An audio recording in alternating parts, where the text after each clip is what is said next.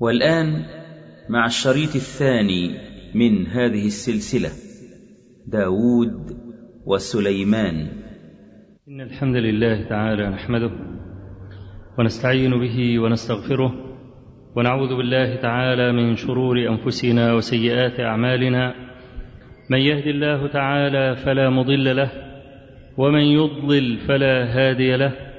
وأشهد أن لا إله إلا الله وحده لا شريك له وأشهد أن محمدا عبده ورسوله. يا أيها الذين آمنوا اتقوا الله حق تقاته ولا تموتن إلا وأنتم مسلمون. يا أيها الناس اتقوا ربكم الذي خلقكم من نفس واحدة وخلق منها زوجها وبث منهما رجالا كثيرا ونساء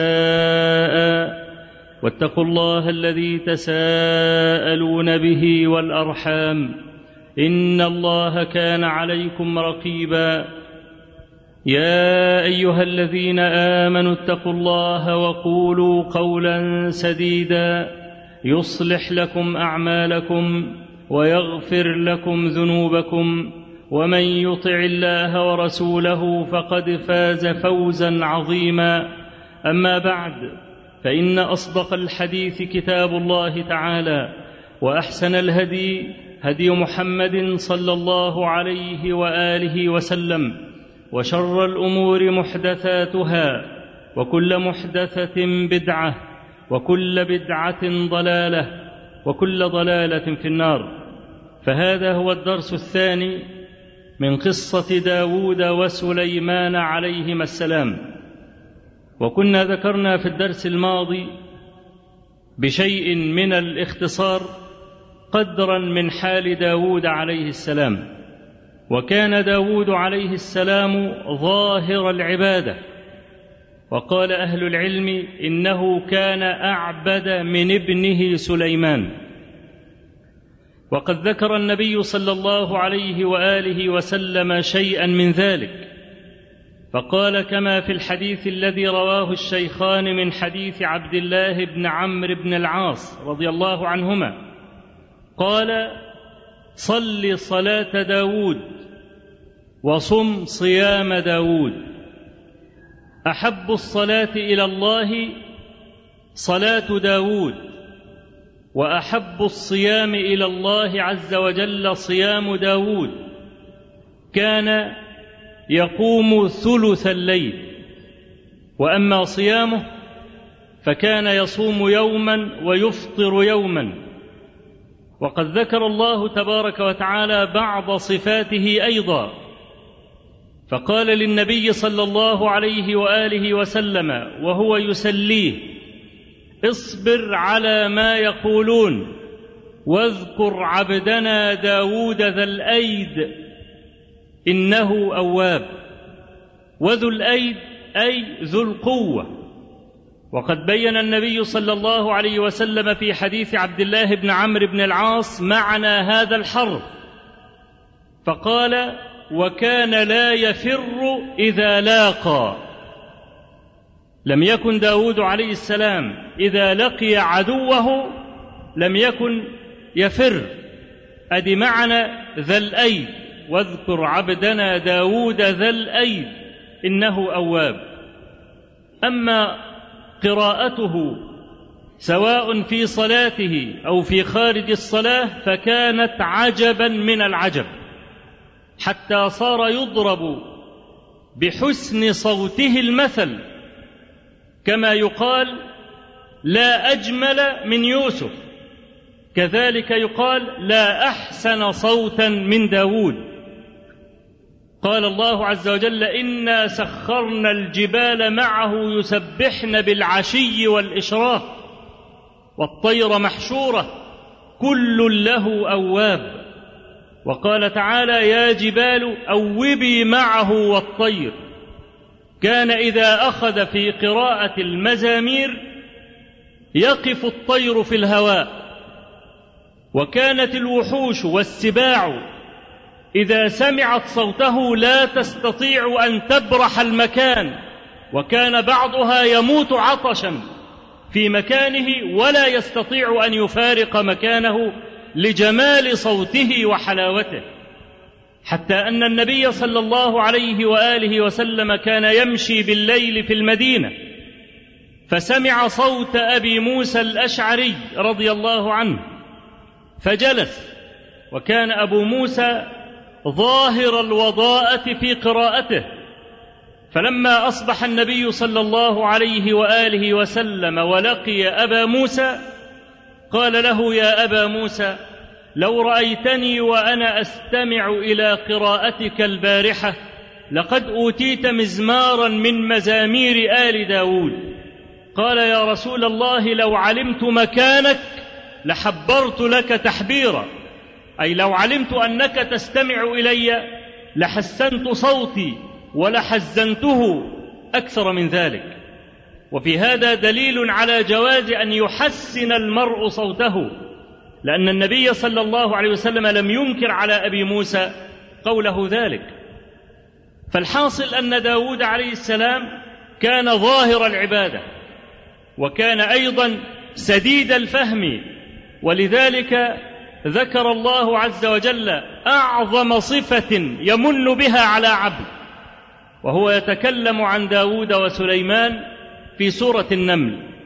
ولقد آتينا داود وسليمان علما وقال الحمد لله الذي فضلنا على كثير من عباده المؤمنين. فذكر العلم ثم إنه نكره أيضا أتى غير معرف بالألف واللام للدلالة على سعته وشموله. وهذا من أوصاف النكرة. النكرة تفيد الشمول والعموم. وذلك أن معارف داود وعلي وسليمان عليهما السلام كانت متنوعة كما يأتي ذكر ذلك إن شاء الله تعالى. فالعلم هو أجل العطايا وأشرف المنح. وقد ذكر الله عز وجل في غير ما آية من القرآن فضل العلم. وقد ورد هذا في أحاديث كثيرة عن النبي صلى الله عليه وآله وسلم. لا نطيل الأمر بذكرها لكن نتفق على أن العلم هو أفضل شيء في الوجود والمدهش مع أنه أفضل شيء في الوجود إلا أن الناس في مقابله أصناف شتى استفادتهم من العلم متنوعة والناس على ثلاثة أصناف في استقبال العلم وأنا أقصد بالعلم العلم الذي يقرب إلى الله عز وجل. لا أقصد علم الدنيا. فعلم الدنيا وإن كان هاما لكنه يأتي في مرتبة بعد ذلك. لكن العلم الذي أعنيه وأتكلم عنه هو الذي قال فيه النبي صلى الله عليه وآله وسلم من يرد الله به خيرا يفقهه في الدين العلم يعز الذليل ويرفع الوضيع. لا يكون له نسب ولا شأن ويذكر في الناس. فهذا هو العلم الذي أعنيه. النبي صلى الله عليه وسلم ذكر أصناف الناس الثلاثة في مقابل العلم. فقال صلى الله عليه وسلم كما في حديث أبي موسى الأشعري في الصحيحين مثل ما بعثني الله به من العلم والهدى كمثل الغيث الكثير أصاب ارضا فالعلم كالماء والمستمعون له كالأرض فالأرض على ثلاثة أحوال أو أنحاء في استقبال هذا المطر. منها نقية قبلت الماء فأنبتت الكلأ والعشب الكثير فاستقى الناس وزرعوا ورعوا. ده الصنف الأول. الصنف الثاني ومنها اجادب امسكت الماء فانتفع الناس بهذا الماء فشربوا وزرعوا ورعوا.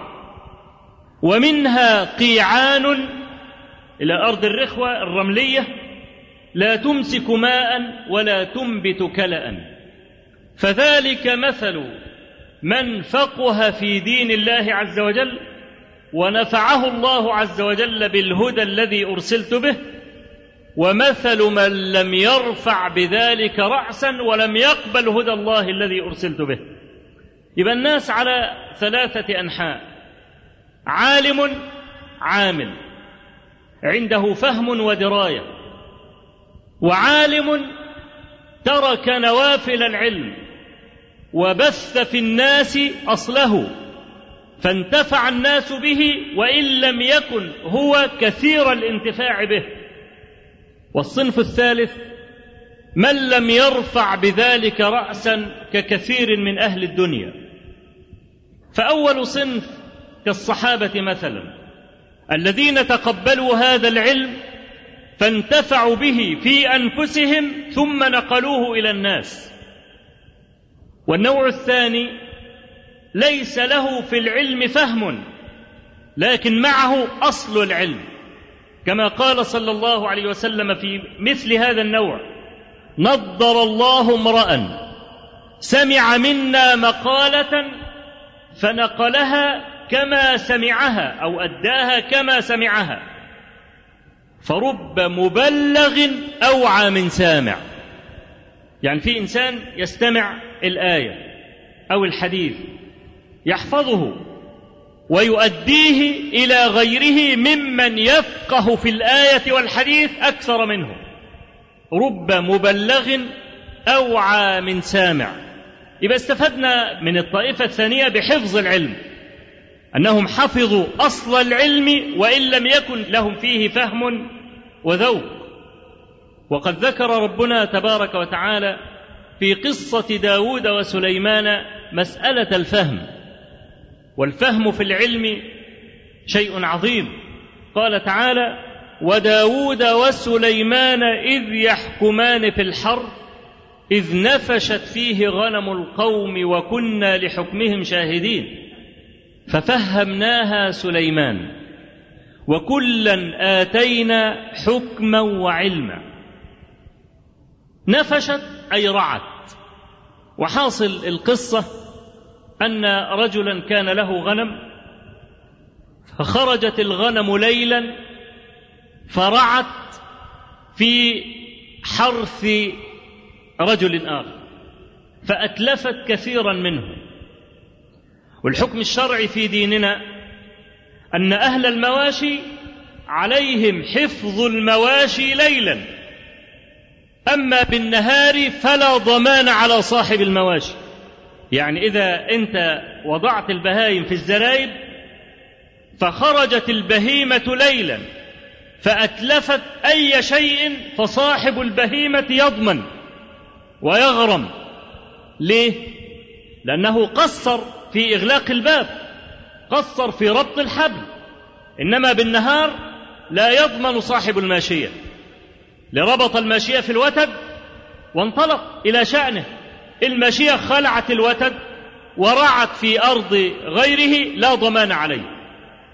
إنما يضمن ليلا أما نهارا فلا فهذه الغنم خرجت من الزرايب بالليل ورعت في حرث الغير فأتلفته. فاختصم الرجلان إلى داود عليه السلام. فيقولون إن داود عليه السلام عمل بدل. قال لصاحب الحرث خذ الغنم. وقال لصاحب الغنم خذ الحرث الذي أتلفته الإيه؟ الأغنام. وقالوا أيضا إن داود عليه السلام قضى لصاحب الحرث بالغنم والحرث. فتضرر صاحب الغنم. فلما خرجوا من عند داود ألقيا المسألة على سليمان. فقال سليمان عليه السلام الذي أراه أن يأخذ صاحب الحرث الغنم وصاحب الغنم يأخذ الحرث ليصلحه فإذا أصلحه رد الحرث إلى صاحبه وأخذ غنمه فطابت أنفسهما جميعا. فقال الله عز وجل في ذلك ففهمناها سليمان وحتى لا يتصور أحد أن ذلك نقص في فهم داود. قال تعالى وكلا آتينا حكما وعلما. وقد أوتي داود عليه السلام فصل الخطاب وشددنا ملكه وآتيناه الحكمة وفصل الخطاب. حكمة هي الصواب وفصل الخطاب اللي هو الفهم. ولكن لا يشترط أن يفهم المرء كل قضية جزئية حتى يقال أنه فاهم. بل قد يند عن ذهنه بعض القضايا فلا يقدح ذلك في جودة فهمه. إذا أصاب في ألف قضية وأخطأ في قضية واحدة لا يقال أنه لم يفهم. لكن الفهم نعمة من الله عز وجل. إذ قد تكون دلالة الدليل خفية. وهذا الفهم جزء منه سرعة البديهة وحسن التصرف. كما حدث لداود وسليمان أيضا في قضية أخرى رواها الإمامان البخاري ومسلم في صحيحيهما. عن أبي هريرة رضي الله عنه قال قال رسول الله صلى الله عليه وسلم بينما امرأتان في زمان داود عليه السلام إذ عدا الذئب على ابن لهما. كل امرأة لها ولد جاء الذئب فأكل ولدا من الولدين. فاختصمت المرأتان إلى داود عليه السلام. المرأة الكبرى بتحمل الولد. والمرأة الصغرى لم تبد حجة. كل امرأة تقول هذا ولدي. طب واحدة بتحمل الولد والأخرى لا حجة لها ولم تقم دليلا على أنه ولدها. فقضى به داود عليه السلام للمرأة التي تحمله للمرأة الكبرى. فلما خرجتا من عند داود ولقيتا سليمان أعادت المرأة الصغرى قضاء داود على ابنه سليمان وأن هذا ولدي وقضى به أبوك للأخرى. فقال سليمان إيتوني بسكين أقسمه نصفين. حيث إن كل امرأة ليس لها دليل يبقى كل واحدة تاخذ نص. في بعض الروايات قال فشهقت المرأة الصغرى شهقة لا إرادية. شهقه فزع وقالت يرحمك الله لا اريده أعطه لها فحكم به للصغرى فهذا أيضا من جملة الفهم سرعة البديهة. وقد خص الله عز وجل سليمان في أكثر من قضية بذلك. فالفهم في العلم نعمة. لأن ممكن واحد يحفظ أصل العلم لكنه غبي. كما حدث لبعض الخوارج الذين يكفرون المسلمين بالمعاصي فكلما رأوا حديثا فيه فرجة للمسلمين العصاة المذنبين أغلقوه وتأولوه على غير وجهه. فإذا سمعوا مثلا قول النبي صلى الله عليه وسلم شفاعتي لأهل الكبائر من أمتي يقول غبيهم أهل الكبائر هنا اللي هم أهل الصلاة والزكاة وليسوا هم أهل الكبائر كبائر الذنوب. إذ قال الله عز وجل واستعينوا بالصبر والصلاة وإنها لكبيرة. قال لك إذا الصلاة كبيرة من الكبائر من كبائر الأعمال يعني؟ يبقى شفاعتي لأهل الكبائر يعني شفاعتي لأهل الصلاة. هذا معه أصل العلم فعلا لكن غبي ذهنه فلم يفهم بل أتصور أنه حرف لأن الحديث واضح في غاية الوضوح ولم تجري العادة في اللغة ولم نره في حديث النبي صلى الله عليه وسلم أن يطلق لفظة الكبيرة وهو يعني بها أي شيء من الطاعة. بل إذا أطلق لفظة الكبيرة علمنا أنها تنصرف إلى المعاصي. فالفهم في العلم نعمة. ولذلك الإمام البخاري وفي كتاب العلم بوب بابا للفهم في العلم. قال باب الفهم في العلم. وأورد فيه حديث عبد الله بن عمر بن الخطاب رضي الله عنهما أن النبي صلى الله عليه وسلم كان يجلس مع أصحابه يوما فقال أنبئوني عن شجرة هي كالمؤمن أو كالمسلم. روايتان لا يسقط ورقها. قال فوقع الناس في شجر البوادي. كل واحد يخطر على باله اسم شجرة يذكرها. قال ووقع لي أنها النخلة. فنظرت فإذا أنا أصغر القوم وفي القوم أبو بكر وعمر.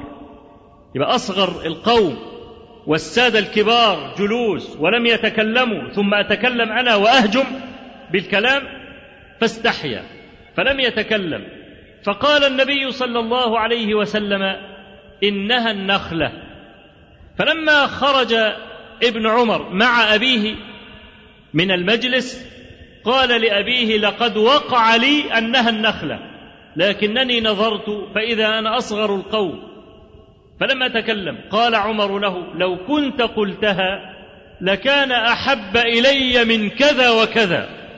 لو كنت قلتها مع صغر سنك ونباهة عقلك في مجلس النبي صلى الله عليه وسلم لدعا لك. ولتبجح عمر في المجلس بولده الذكي. الذي استطاع أن يلمحها. فالفهم في العلم نعمة نعمة كبيرة. فأول طائفة الطائفة الفاضلة. تسمع وتنتفع ثم تؤدي هذا العلم. من علم وعلم. والطائفة الثانية حفظت أصل العلم وإن غبي عليها بعضه. والطائفة الثالثة هي التي لم ترفع بهذا العلم راسا. وهؤلاء يندرج فيهم علماء السوء بل هم أعلى شيء في هذه الطائفة وأسوأه أيضا علماء السوء. وقد ضرب الله عز وجل أسوأ الأمثلة لهؤلاء الذين لم يرفعوا بهذا الهدى رأسا. قال الله عز وجل واتل عليهم نبأ الذي آتيناه آياتنا فانسلخ منها فأتبعه الشيطان فكان من الغاوين. ولو شئنا لرفعناه بها ولكنه أخلد إلى الأرض واتبع هواه. فمثله كمثل الكلب. لما قرأت صفات الكلب في كتب الحيوان التي صنفها العلماء لاحظت أشياء برغم أننا نرى الكلاب ليل نهار لاحظت أشياء غريبة يفعلها الكلب فعلا. والكلب أيها الإخوة هو اخس الحيوانات جميعا وهو شديد الشح شديد الحرص وقذر. فالكلب مثلا لا يشم شيئا من جسمه إلا دبره. وأنا لما قرأت هذه الصفات جعلت أسترجع في ذهني صورة الكلب وحركات الكلب وإذا كما قال أهل العلم لا يشم شيئا من جسمه إلا دبره.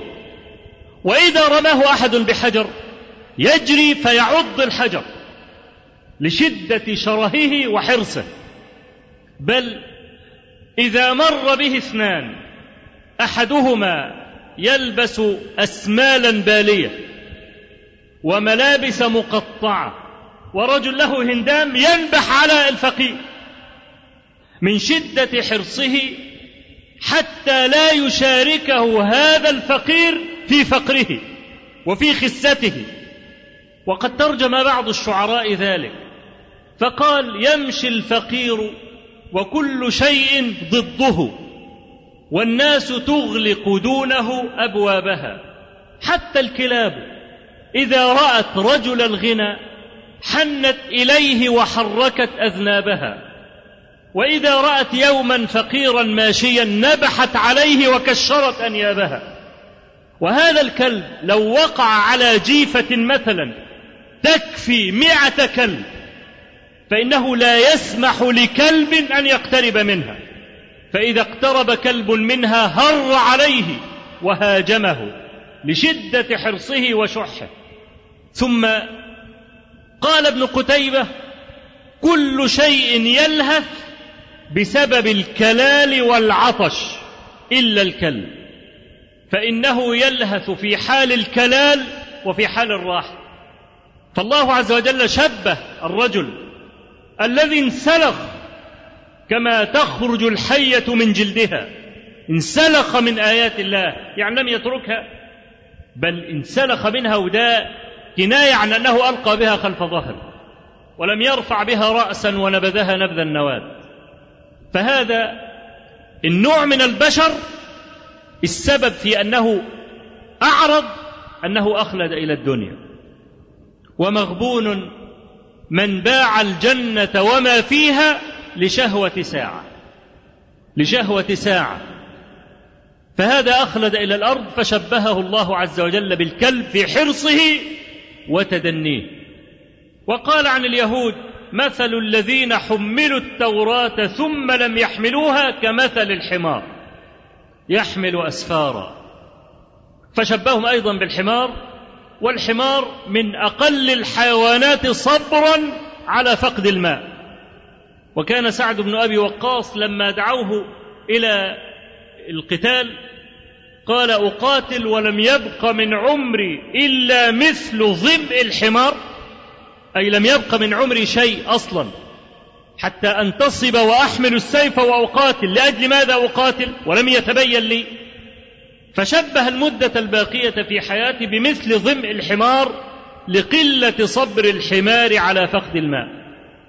فهؤلاء أخس صنف الجهلة أفضل منهم لأن الجاهل فقد الدليل فلم يعمل أما هذا فعلم الدليل فحرم فالحاصل أن الله عز وجل ذكر أبرز صفة وأجل نعمة أنعمها على داود وسليمان ولذلك استقرت مملكتهما لأنها قامت على العدل والعدل لا يقوم إلا على العلم.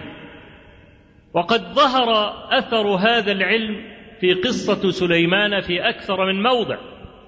أكبر هذه المواضع دعوته إلى التوحيد وأنفته أن يكون بجواره كافر كما في قصة بلقيس وأنه لما رجع إليه الهدهد بقصة المرأة وقومها الذين يسجدون للشمس من دون الله أنف سليمان غاية الأنفة وألقى إليهم كتابا موجزا يشتمل على نصف سطر. ألا تعلوا علي وأتوني مسلمين. كلمة ونص. رجل معه غلبة معه قوة والحق إن لم تكتنفه قوة ضاع. إن السلام حقيقة مكذوبة والعدل فلسفة اللهيب الخابي لا عدل إلا إن تعادلت القوى وتصادم الإرهاب بالإرهاب. أقول قولي هذا وأستغفر الله العظيم لي ولكم. الحمد لله رب العالمين له الحمد الحسن والثناء الجميل وأشهد أن لا إله إلا الله وحده لا شريك له يقول الحق وهو يهدي السبيل وأشهد أن محمدا عبده ورسوله صلى الله عليه وعلى آله وصحبه وسلم.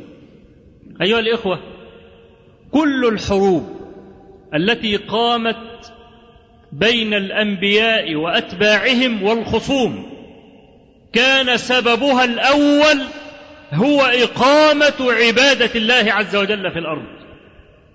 ما نعلم أن نبيا استنفر قومه قط لمجرد أن يستولي على أرض الناس أو على أموال الناس. هذه ما سمعنا بها قط. والحرب عندنا في الإسلام لأجل هذا أيضا.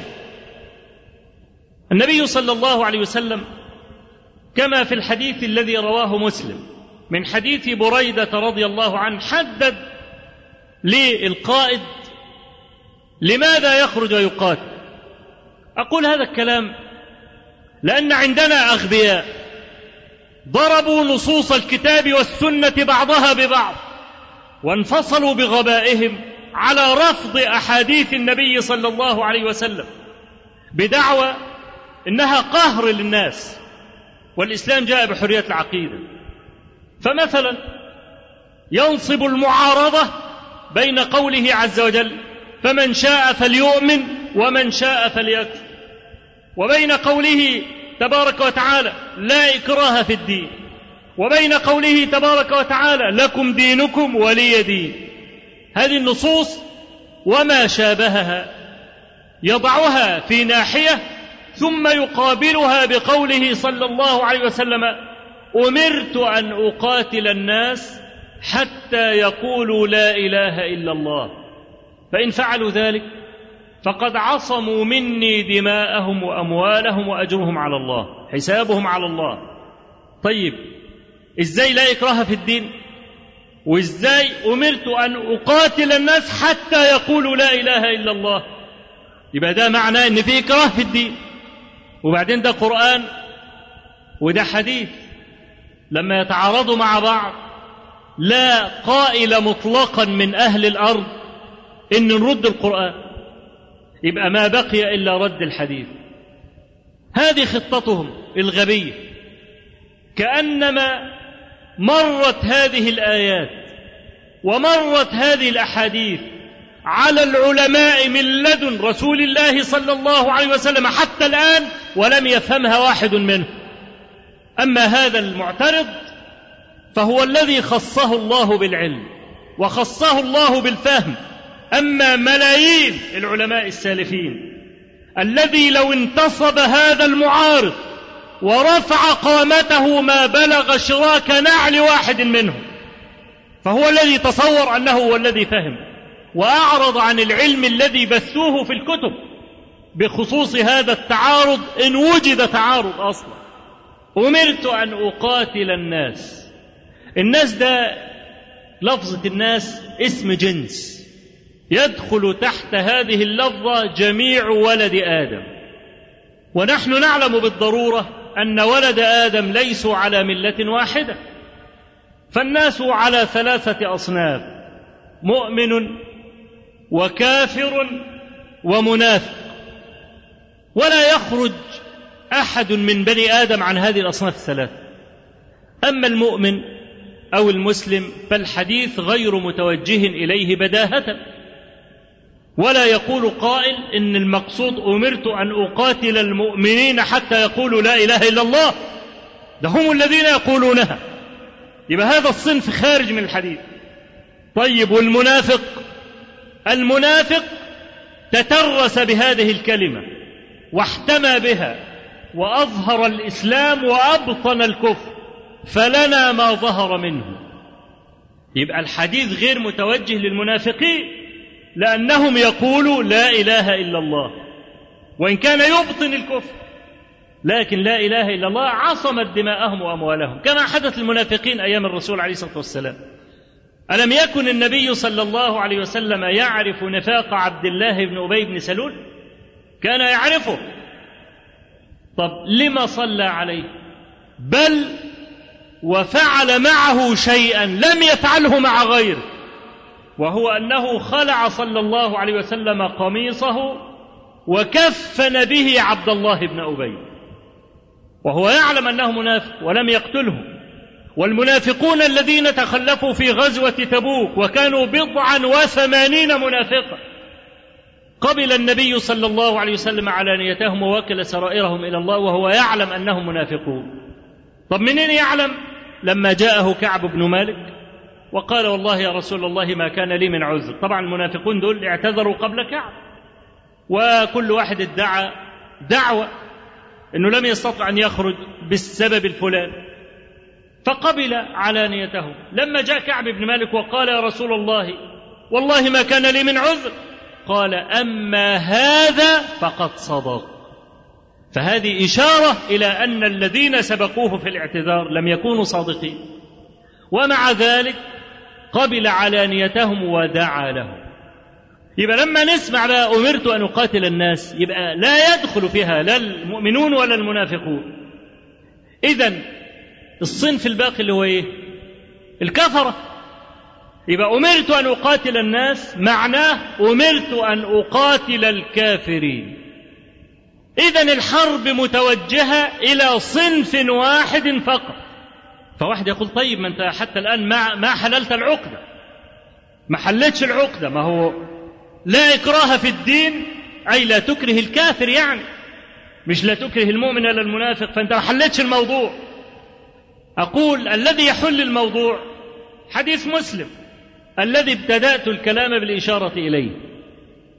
قال بريدة رضي الله عنه كان رسول الله صلى الله عليه وسلم إذا أمر أحدا على سرية أو جيش أمره بتقوى الله في خاصة نفسه ومن معه من المسلمين خيرا. ويقول لهم أغزوا بسم الله وفي سبيل الله. هو ده شعار الغزو كله. بسم الله وفي سبيل الله. لا تقتلوا. ولا تغدروا ولا تمثلوا ولا تقتلوا وليدا. خلاص؟ أما خصمك من المشركين فانبذ إليه بثلاث خلال. راح تحارب أمامك ثلاث سبل. أعلم خصمك بها فإن قبلها فاقبل منهم وكف عنهم. أول خصلة ادعوهم إلى الإسلام.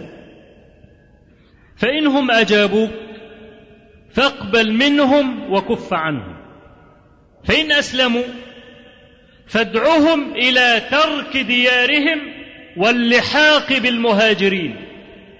إلى الهجرة الواجبة التي كانت واجبة على المسلمين إذ ذاك قبل فتح مكة. يخرجوا من ديارهم ورحالهم إلى دار المهاجرين. ولهم ما للمهاجرين وعليهم ما على المهاجرين. فإن أبوا ورفضوا أن يخرجوا من دارهم فقل لهم تكونون كأعراب المسلمين. يكون عليكم من الحكم ما على المؤمنين وليس لكم في الفيء شيء ولا في الغنيمة إلا أن تقاتلوا. ده تاني خصلة. ثالث خصلة. فإن أبوا فسلهم الجزية. فإن قبلوا فاقبل منهم وكف عنهم. فإن رفضوا فاستعن بالله وقاتلهم. يبقى اذا إن لم يدخل في الإسلام أنا ما أكرهته. يدفع الجزية وخلاص ويظل على دينه. فيا عباد الله بعد هذا البيان أيقال إن في معارضة بين لا إكراه في الدين وما بين إن أنا أقاتله على الجزية سبحان الله أنا ما أكرهته. أنا ما قلت له لن أدع قتالك حتى تدخل في دين الله. أنا ما قلت هذا. وما نفرض العقيدة على أحد. لكنني أقاتلك لأنك أولا رفضت دخول البلد وعرض الإسلام على الناس. وليس هذا من حقك. ليس من حقك أن تفرض الكفر على بني آدم. ثم تحول بين الهدى وبين الناس. لا.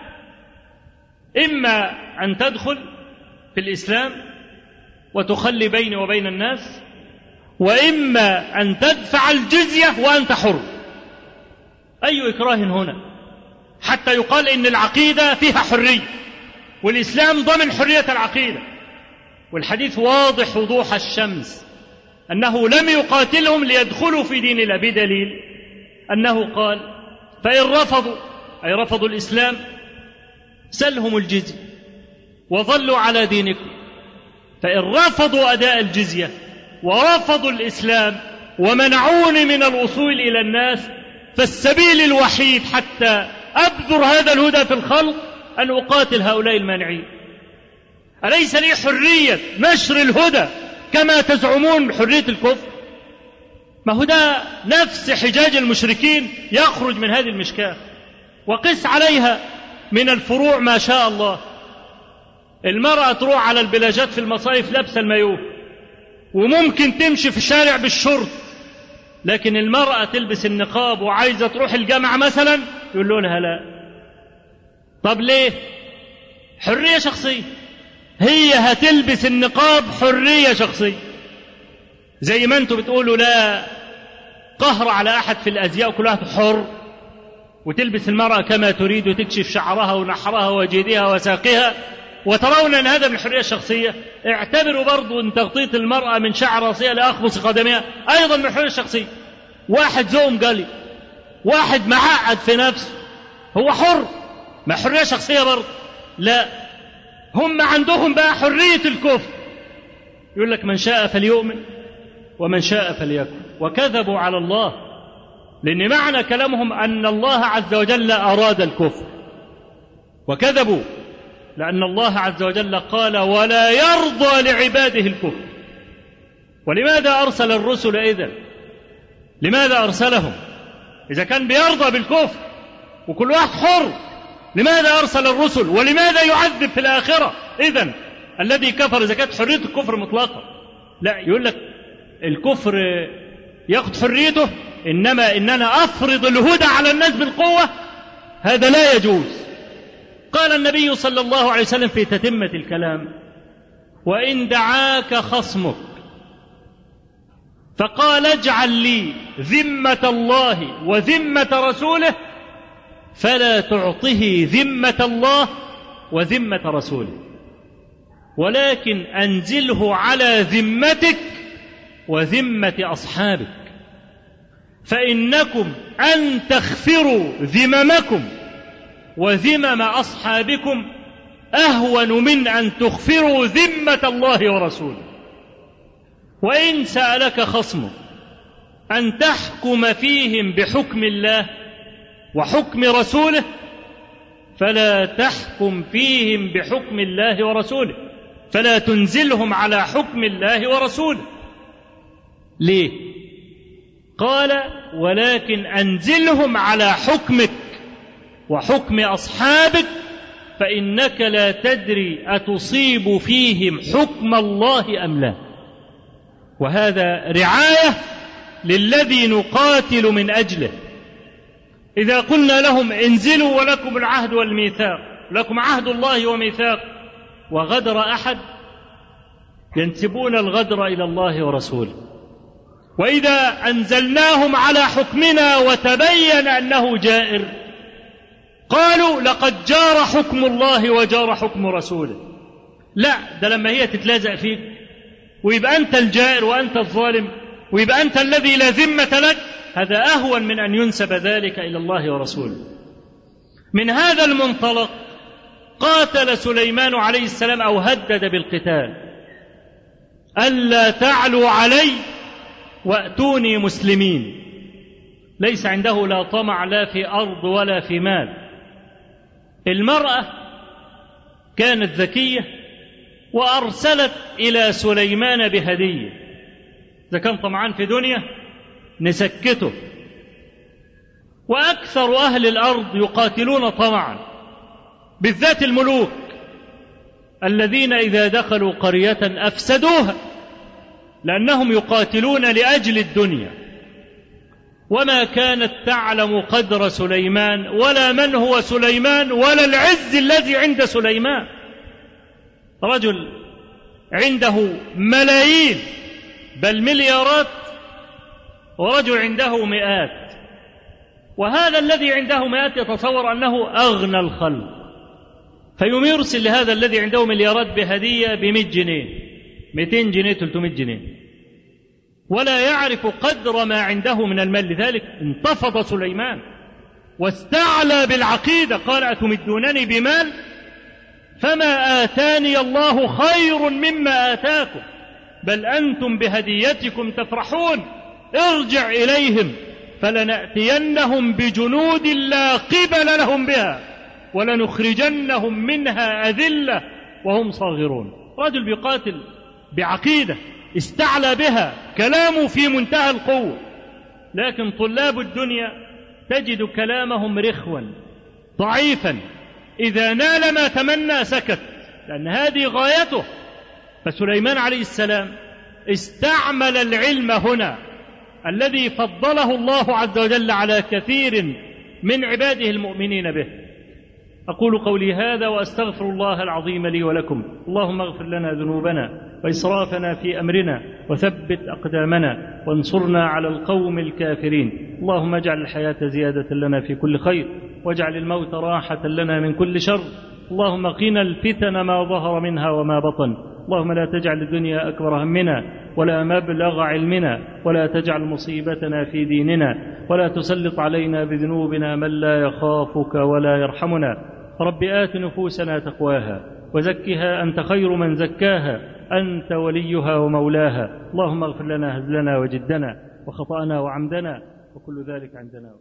أخي الكريم لم تنتهي المادة بعد.